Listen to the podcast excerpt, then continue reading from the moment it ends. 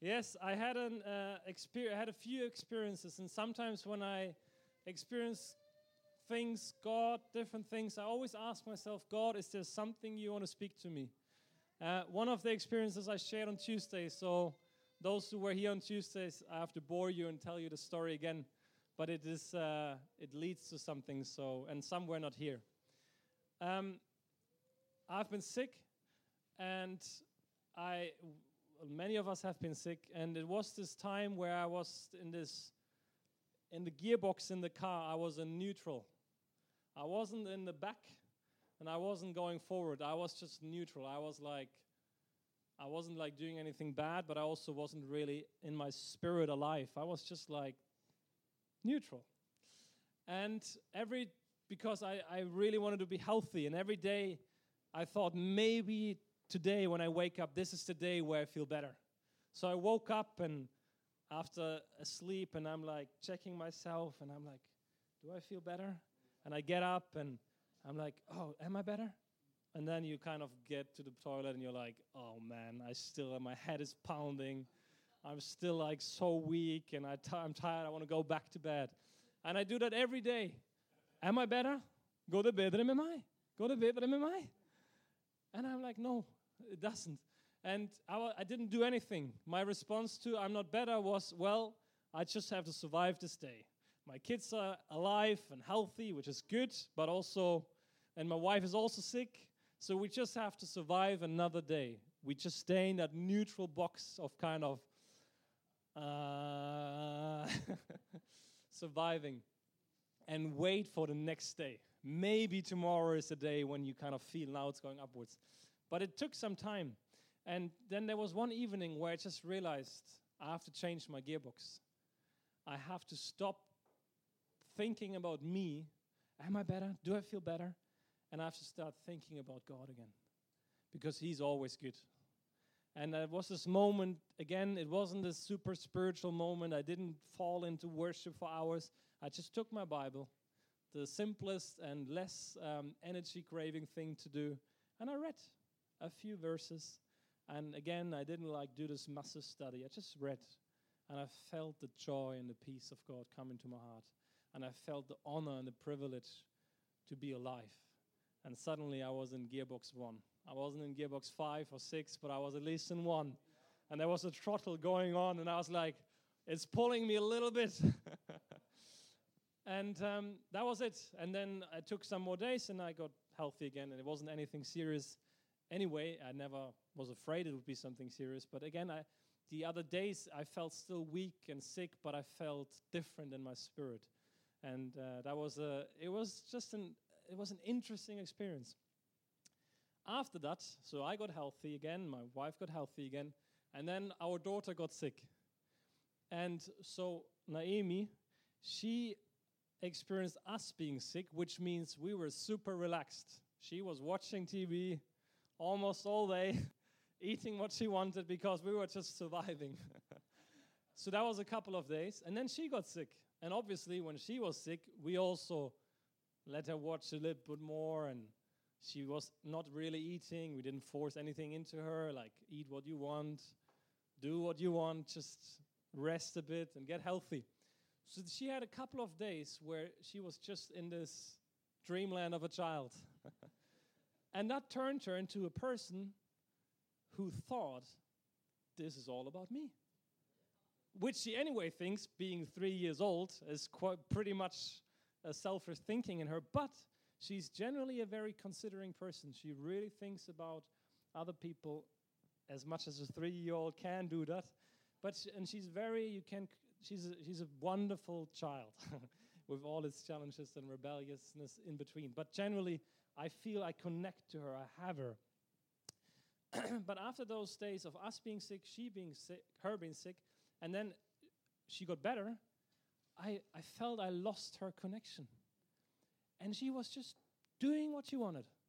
She was not listening to us. She was so cheeky.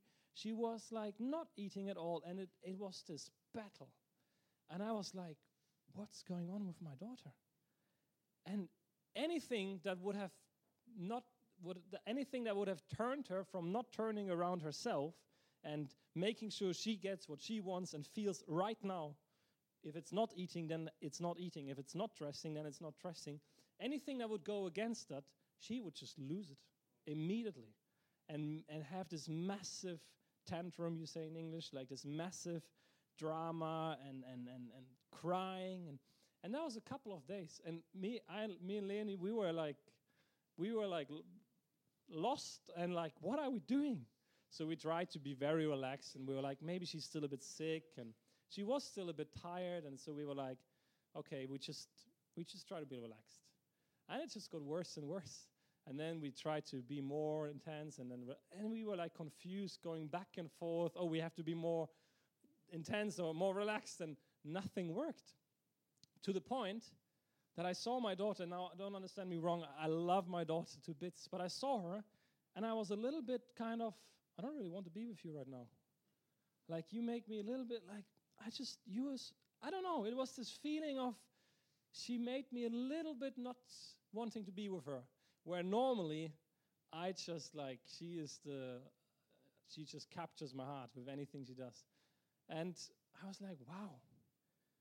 So her turning around herself so much and being so selfish. Even me as a dad, I had this little feeling. It wasn't like, oh, I don't want to be with you and I feel so annoyed of you. It was this little feeling, and I was like, wow, that was the first time. Um, and and then we we were quite strict for one day, and she literally snapped back, and she's she now is perfectly normal and amazing, and she still has her moments like she always had, but I, I, I have her again. I can see in her eyes, and I have this connection again. So, anyway, it's not about what happened that solved the problem, but it's that about that moment where I realized her turning herself around herself made herself into a person that was difficult to love. Because I was her dad, I still loved her to bits, but even I felt it was difficult to love her. So then I was like, God, what are you trying trying to say?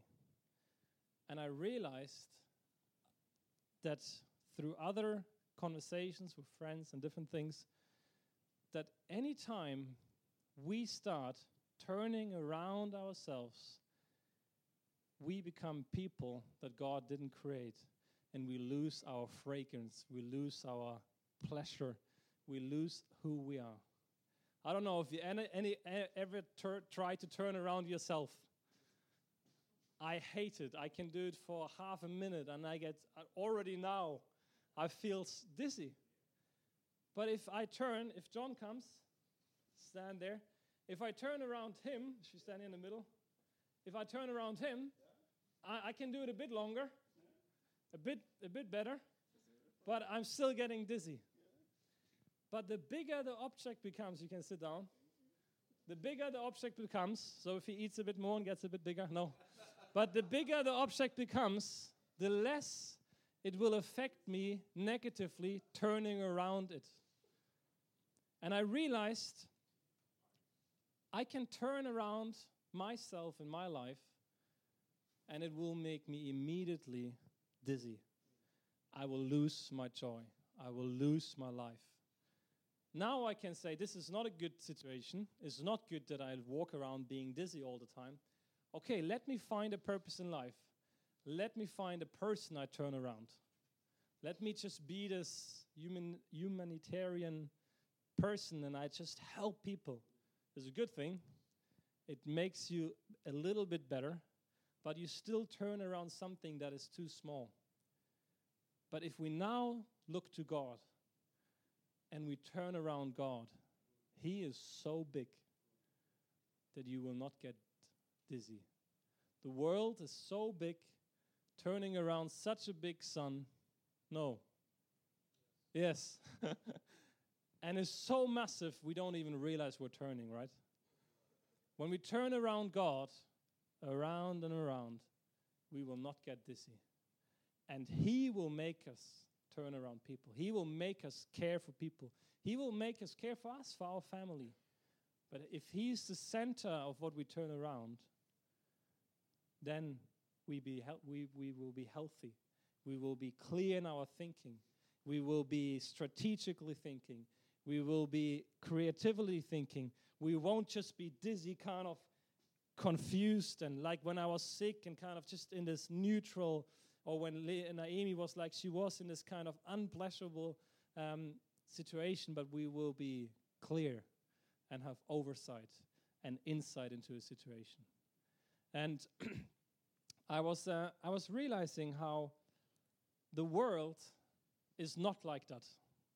The world is so much highlighting your individual success. Everything has to be about you. How you want it, how you how it serves you best. We want to make life as easy as possible. We want to preserve life, and if we can't preserve life, we want to make life easier. I'm a pragmatic, and I can I can preach, I can say big amen to that. My life is very much about making my life more pragmatic, more easier. So I, I, I some things I buy and some things I do, I do to make processes easier. And that's a good thing. But if that is my main thing when I wake up in the morning, when I think about things, and it is only about how could I make this easier? Okay, I need to buy a, a, a robot hoover. Then I don't have to spend time on hoovering. Okay, I have to buy this. I have to do this. I have to make this. Just things will work better. Then I will end up just turning around myself, and then it becomes unhealthy. But that's how the world is. The world is an individual uh, world that highlights your individual need. Um, so we improve our house if our house isn't really as we wanted. We improve our careers we, uh, we try to make things easier. Nowadays, we have washing machines that wash for us. We have dishwashers, dishwashers who wash our, our dishes. We have hoovers. Yes, it's a good thing. We have hoovers that collect our dirt. But the, the bad thing is, all those things save us massively time. When I lived in Africa, I had to wash my, my clothes with my own hand. It takes time, right? And do you remember? I don't know. It takes time. Like you really think about how much you wear, even though you sweat all the time, and how much you need to wash. Especially for me, I probably took like three times or ten times as much time as you took. Like I saw those uh, those mamas, those African mamas, and they were like quick, and I was like, "How do you?" but now we have uh, washing machines. It saves time. It's a good thing dishwasher, dishwashers. In England, we didn't have a dishwasher. We lived with five people in the house. We were like washing dishes all day, it felt like. And now we just put it in a dishwasher. It's so good. We have hoovers. It's so good. But those things that make us save time doesn't they don't give us time. It's not like that now compared to 50, 100 and 200 years ago, we're like sitting around having so much time that we spend actually we are busier than ever before. So the time we save that kind of help us to not spend time with meaningless things in life like washing clothes, they bring us into an emptiness. And we kind of want to fill that with something. What are we destined to? What are we called to?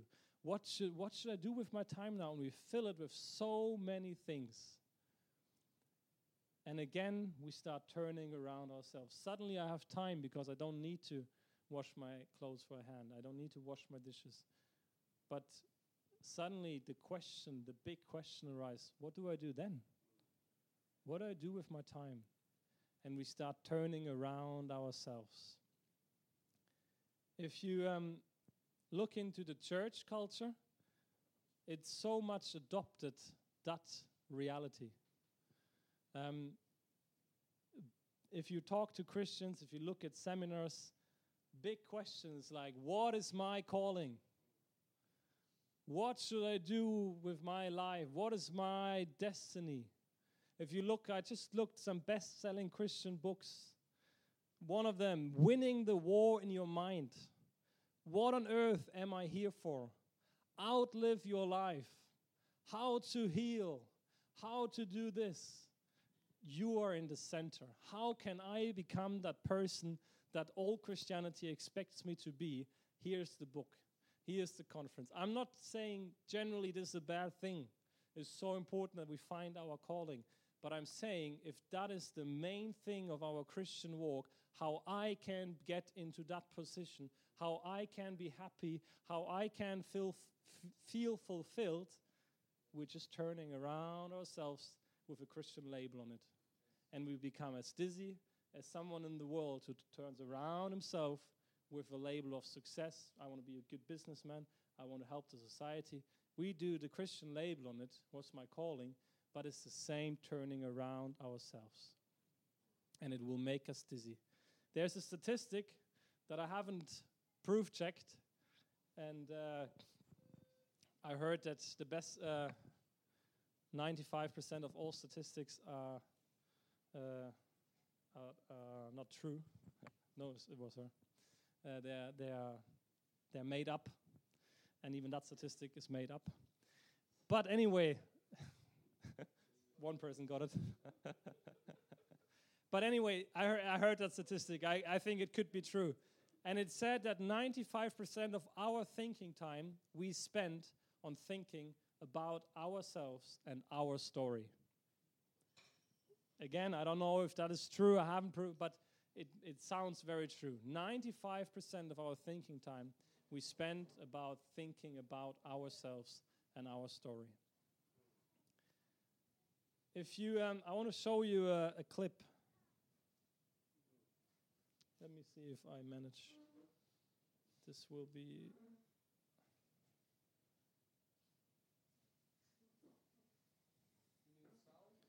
Yeah, it will be not necessarily it will be better, but it will be.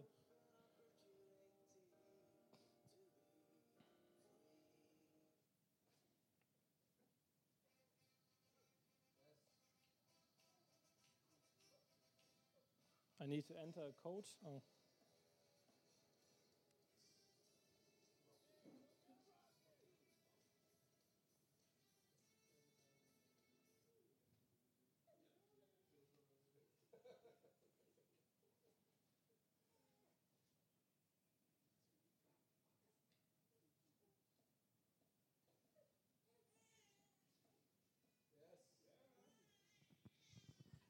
Sound is not so important.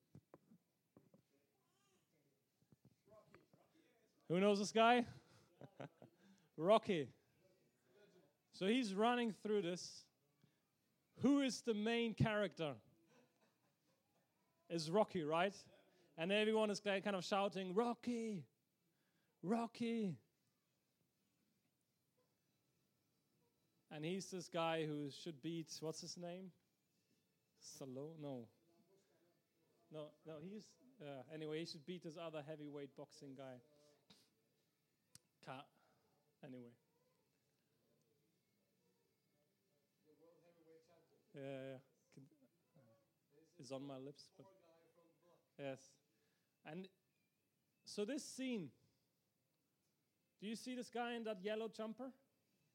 Have you seen him there? it's me. That's what I wanted to tell you. I think I wasn't even alive, and I don't know when they even did that movie. So, this guy in that yellow jumper, every time he watches Rocky with his friends, what will he say in that scene? Look at me! This is me! This is me! Look at me! There I run! And everyone will be like, Yeah, but this is not about you.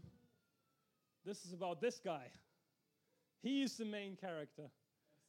And the guy in the yellow jumper will be like, yeah, but look, look. No, no, he's not anymore there again. Like he was there for one minute.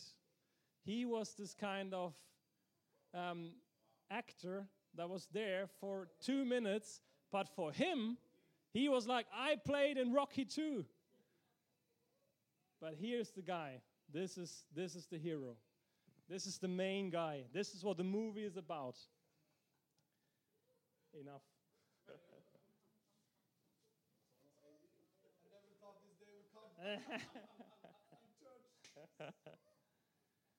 what I want to say is Rocky 2 is about Rocky.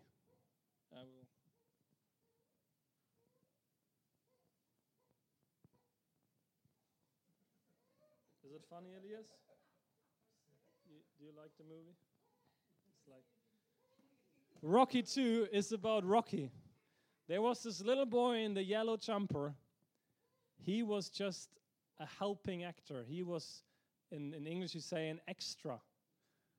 So if he now says, Look at this scene, this I'm I'm here, this is about me. And he everyone sh- shouts, Rocky, Rocky. If he now suddenly says, Hey, James, James, and he becomes like this guy who goes out of the crowd and runs in front and behaves like this movie would about would be about him, it would be ridiculous. It would be so ridiculous. The guy who wrote the movie, he, Stallone, would take him out and be like, "Come on, this is you. We just need you. You're important because if no one would run after Rocky, then Rocky wouldn't be as cool as the much as the hero. So he's important, but he's just an extra. If we look at the Bible, this book, we have to realize is not about us. It's not about Abraham. It's not about Joseph. It's not about David. It's not about you. I'm sorry to say. You are not the main character in that book. This book is about God. It's about a God who loved the world so much. It's about the God who sent his son, Jesus Christ, on the earth. You are just an extra. And this almost feels wrong to say because all my life I grew up your calling is so important that you step in. And yes, that is true. I'm not saying that is not true. But I'm saying if it is overemphasized, I just start turning around myself. And whenever I don't find my calling, I find lost in this Christian world. But when I realize this book, if I read the Old Testament, I can see it so clearly how God is pursuing human beings, how He's doing everything He can to be in relationship with his people. Read Isaiah, read what Anna Lil wrote before. It was written, of course, we can take it and we can take it prophetically to Victor and to us, but it was written to Israel. It was written to a nation God loved so much. And then comes Jesus. God Himself becomes human. He is the hero. We are the extras. We are important, but this is not about me.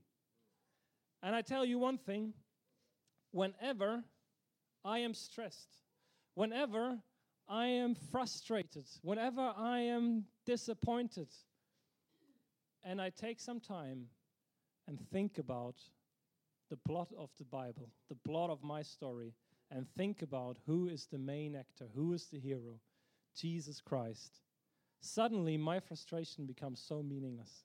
Suddenly, my question that I have, why is this happening, it becomes so meaningless.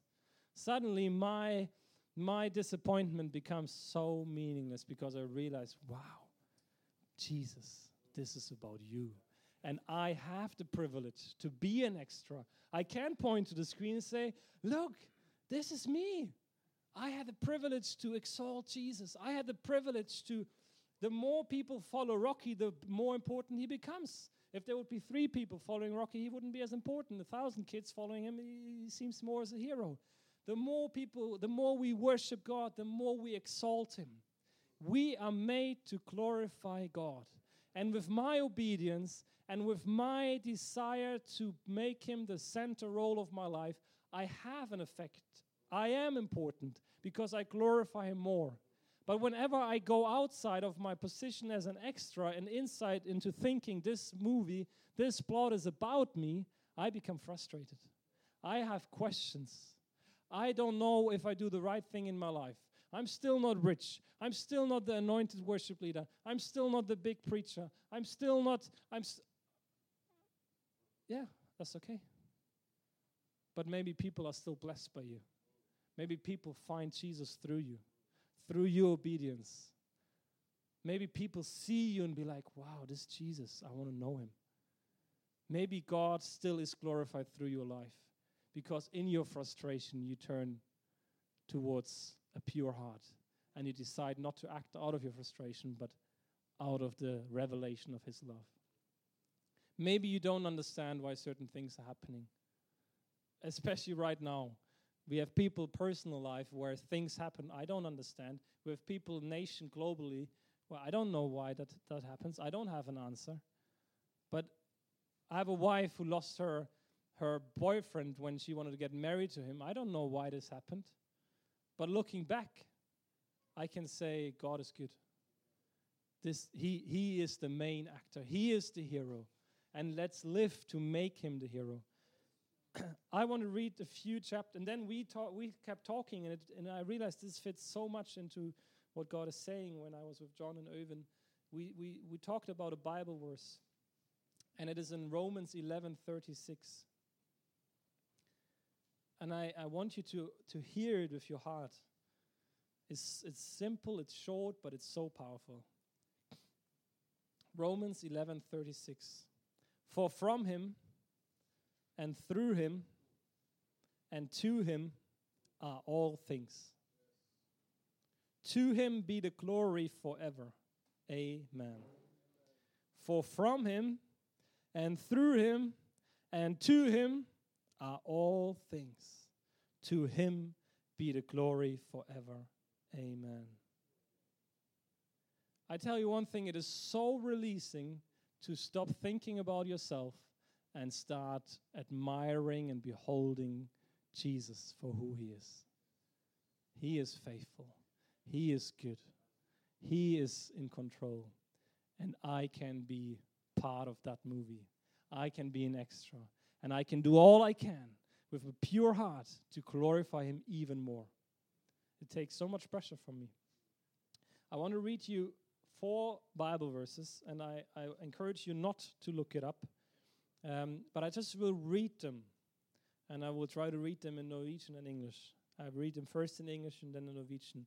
And I want you to hear them and, and just take them in and let them be healing to your, to, your, to your heart. Maybe it's a heart of worry. Maybe it's a heart of frustration. Maybe it's a heart of being in neutral gear.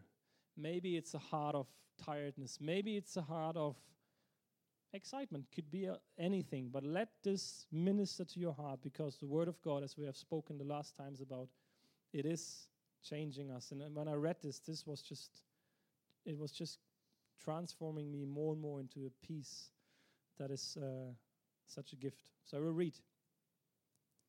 Yet for us there's one God, the Father, from whom are all things and for whom we exist, and one Lord, Jesus Christ, through whom are all things and through whom we exist. I men for oss er det én Gud, vår Far. Alt er fra ham, og til ham er. Og det er én Herre, Jesus Kristus. Alt er til ved ham, og lever vi. Acts 17. In him we live and move and have our being. For det er i ham vi lever, bevæger os og er til. Job 12. In his hand is the life of every living thing and the breath of all mankind. Han har, han har hver levende skaping i sin hånd, og ånden til hvert menneske. 1 John 5 Whoever has the Son has life. Whoever does not have the Son of God does not have life. Den som har Sønnen, har livet, men den som ikke har Guds sønn, har ikke livet.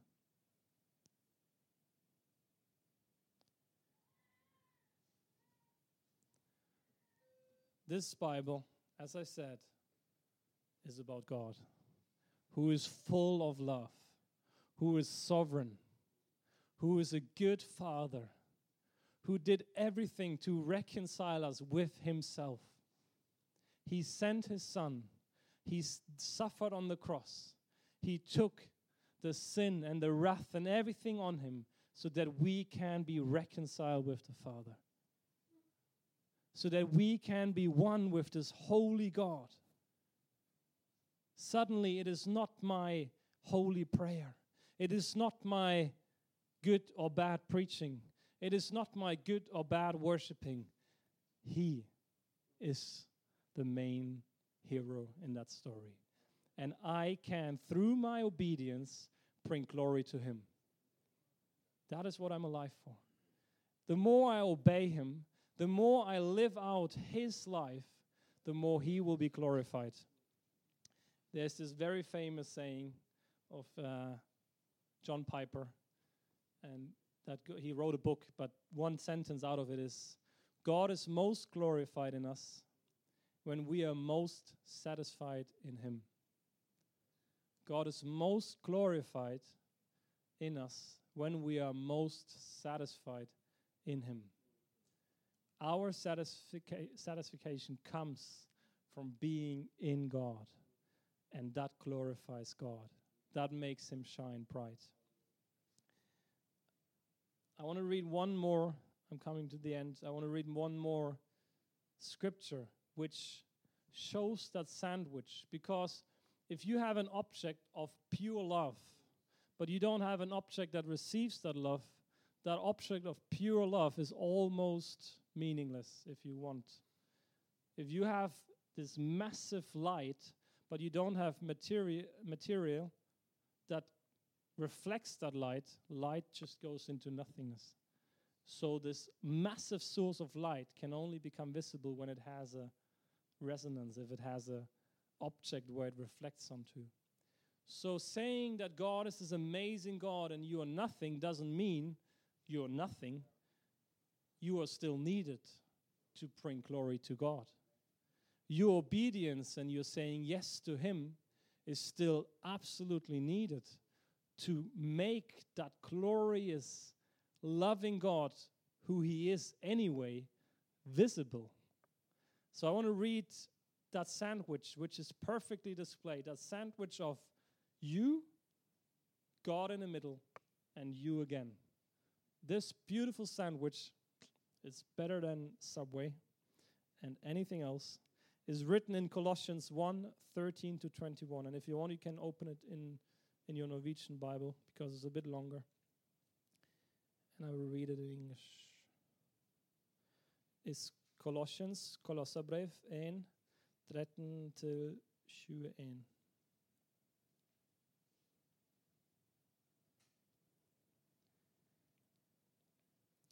So, verse 13, it says, He has rescued us from the domain of darkness and transferred us into the kingdom of the Son he loves. We have redemption, the forgiveness of sins in him. This is about us. This is what we have received. This is what we have to embrace in obedience. And now becomes now come, we come to the this is about God. Verse 15. He is the image. This is a this is a poem of the centrality of God in that Bible. He is the image of the invisible God, the firstborn over all creation. For everything was created by him in heaven and on earth, the visible and the invisible, whether thrones or dominions or rulers or authorities. All things have been created through him and for him. He is before all things, and by him all things hold together. He is also the head of the body of the church. He is the beginning, the firstborn from the dead, so that he might come to have first place in everything. For God was pleased to have all his fullness dwell in him. That is Jesus. And through him to reconcile? And uh, through him, sorry, and through him to reconcile everything to himself, by making peace through the blood of his cross, whether things on earth or things in heaven. And now it ends with us again. Verse 21. Because of this centrality, it comes to us. Once verse 21 Once you were alienated and hostile in your minds because of your evil actions, but now he has reconciled you by his physical body through his death to present you holy, faultless, and blameless before him. Wow. That is the gospel. We are presented holy, faultless, and blameless before him. Why? Because of what is in the middle. Because of Jesus, who has been magnified, glorified, and is the absolute hero of our story. When we say yes to that, he takes you and says, Look at this guy. He's holy, he's blameless, he's faultless. And you will say, No, no, no, no, no. I'm not holy. I'm not faultless. I'm not blameless. Yes, but I declare you holy, faultless, and blameless because it doesn't depend on what you do. It depends on what Jesus has done on the on the cross. But we can't say that if we don't read the middle part. We can't say that if we just turn around ourselves. But when we read the middle part, and when we realize that I'm faultless and holy and blameless, suddenly I don't want to turn around myself. Suddenly I start thinking, God, I want to behold you. And as we do that, suddenly we start thinking about the world, we start thinking about people, we start thinking about what can I do? It is not for no reason that it says it is the fear of the Lord that is the beginning of all wisdom. And I add, and it is the fear of man that steals all peace and joy. When we turn around God, not in being afraid, but in being having a holy reverence of who God is, wisdom comes creativity comes. We start thinking creatively about the problems of the world. We start thinking, how can I help my neighbor? We start thinking, what can I contribute? Suddenly there's clarity, there's creativity. When I don't have the fear of the Lord, I will have a fear. And that will most likely be the fear of tomorrow, which will lead you turning around yourself. That will most likely be the fear of man, which will make you turn around yourself that will most likely be the fear of put in what, it, what is most relevant to you. And that will make us confused, that will make us dizzy, and that will lose us will, will make us lose peace and joy. And I will end with this Philippians 1:21. For to me to live is Christ and to die is gain.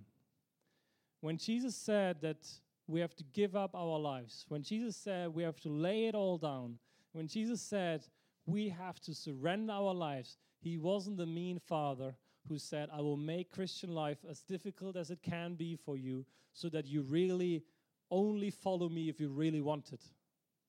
When he said, lay down your life, he said it because he knew when you say yes to that, you will have the most beautiful, the most joyful, and the most peaceful life you could ever imagine. Because suddenly and certainly, and um, you don't need to be worried about yourself. So you don't need to look, what do I need? What do I need? You don't need to be afraid and worried because He is never shifting, ever constant, always the same, always good. And if we turn around Him, our life will be constant we will be constantly moving towards glory, His presence. That doesn't mean that our life will not be challenging. It would be, it would be cruelty to say that right now, where people are in absolute challenging situations. But I truly believe, and I hope I can say that when whatever happens to my life, He is good, and He will always be good.